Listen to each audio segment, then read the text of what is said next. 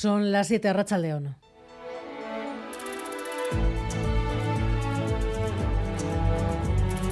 Gambara con Arancha García. Primeras 21 horas de huelga en Osakidecha. Los sindicatos cifran el seguimiento en el 50% de la plantilla. Los datos del Departamento de Salud lo rebajan al 11,5, Rodrigo Manero. Sí, según los convocantes, han hecho huelga el 50% de los trabajadores que podían hacerla. Con unos servicios mínimos que consideran abusivos, los sindicatos dicen que algunos centros de salud no han podido abrir y que también se ha notado mucho en consultas de especialista, pruebas e intervenciones. El Departamento de Salud rebaja, en cambio, ese seguimiento a un 11,5% en el turno de la tarde y a menos de un 10% en el de la mañana. Mañana sigue la huelga.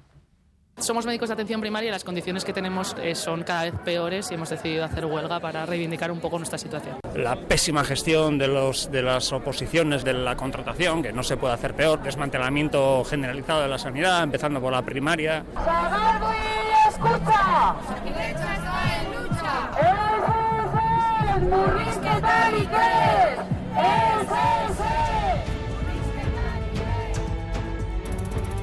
Y además, la huelga de jueces y fiscales, convocada en principio para la semana que viene, parece desactivarse. Todas las asociaciones aceptan la última oferta salarial, menos la mayoritaria entre los jueces, la APM, que a esta hora no descarta nada, firmar o mantener los paros. Madrid, Nerea.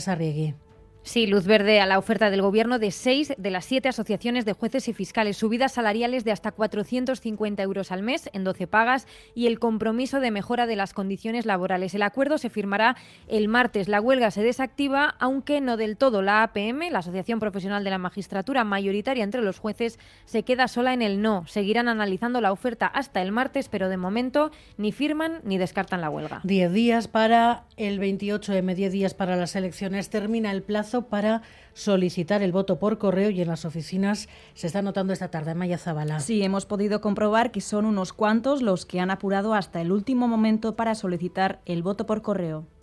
Más que nada porque nos acaban de informar que tenemos que hacer un viaje justo en la fecha estipulada para el voto, entonces pues a, todo correr, hay que cumplir y hay que, hay que venir a votar. Bueno, porque probablemente el fin de semana de las votaciones no estaré aquí en Bilbao, haremos el voto por correo y y bueno, es la primera vez que lo hacemos. Ya llevo varias elecciones que, he votado a través de voto por correo. Las personas que hayan solicitado el voto por correo recibirán la documentación necesaria para emitir su voto antes del 21 de mayo y tendrán de plazo hasta el 24 de mayo para depositar su voto. Y además miramos a carreteras, un punto con problemas a esta hora en la Vizcaya 623 en Yurreta, sentido Gasteiz. Ah, se ha producido una colisión entre dos vehículos, uno de los carriles está cortado en estos momentos. Y los deportes, Eduardo García, Rachaldeón. ¿Qué tal, Rachaldeón? Pues hoy no ha habido caídas en el Giro, afortunadamente. En la etapa número 12 ha llegado otra vez la escapada hasta la meta y con victoria para el alemán del Bora Nicodense. Pelotón ha llegado a más de 8 minutos del vencedor. Geraint Thomas se mantiene como líder. Mañana llega ya a la alta montaña con la ascensión final a Gras Montana, en Suiza. Ha, comenzado además la Vuelta a Burgos femenina. Primera etapa hoy con victoria para Lorena Vives del conjunto SD Works. En el deporte de la pelota, Joaquín Altuna y José Azcurdia han apartado el material para el partido de semis de manomanista que van a jugarse el próximo sábado en el frontón de Pamplona. Y noticia destacada de hoy, confirmado ya que Rafa Nadal, el mismo lo ha confirmado, no va a participar este año en el Roland Garros. Su torneo lo ha ganado 14 veces, la última del año pasado. Lo ha jugado de forma ininterrumpida desde el año 2004.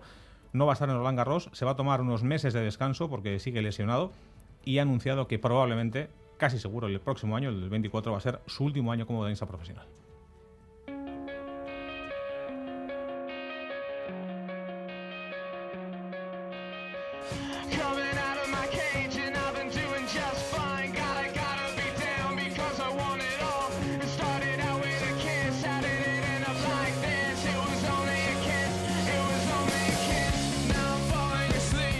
Hoy en Gambara vamos a detenernos y vamos a tratar de mirar qué es, qué está haciendo y qué y cuánto puede cambiar nuestras vidas la inteligencia artificial. Esto ya no va de hacer los trabajos de historia para el instituto ni de los filtros para las redes sociales. La tecnología está avanzando muy rápido, no se sabe hasta qué punto.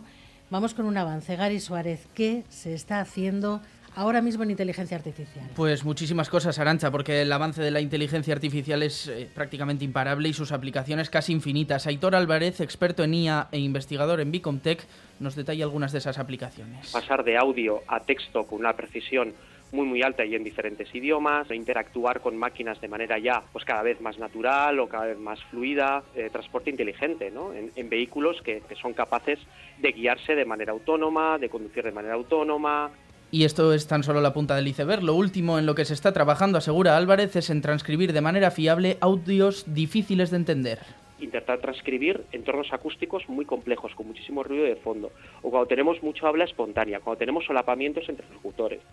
Y en esta gambara también nos detendremos en algo en lo que Álvarez y su equipo son expertos, en la clonación de voz. Clonar una voz, hacer que una voz sintética sea idéntica a la real. Eso ya se ha hecho también. Sí, porque hace más de dos años el equipo de tecnologías del habla de Bicomtech clonó la voz de Franco para un documental. Escuchen. En los momentos en que en cumplimiento del artículo sexto de la ley de sucesión, tomo la decisión de proponer a las Cortes mi sucesor en la jefatura del Estado, en favor de vuestro hijo don Juan Carlos. Aunque no se lo crean, el caudillo nunca pronunció estas palabras. Se trata de una creación sintética. Álvarez nos explica cómo lo hicieron.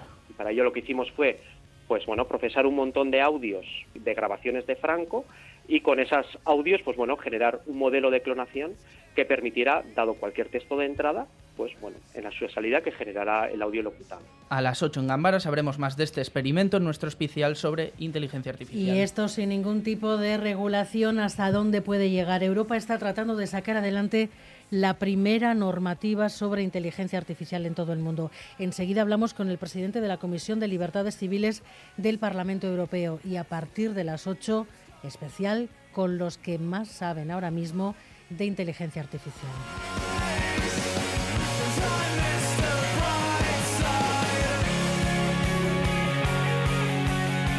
Miguel Ortiz y Alberto Sebel ya están en la dirección técnica, Cristina Vázquez en la producción.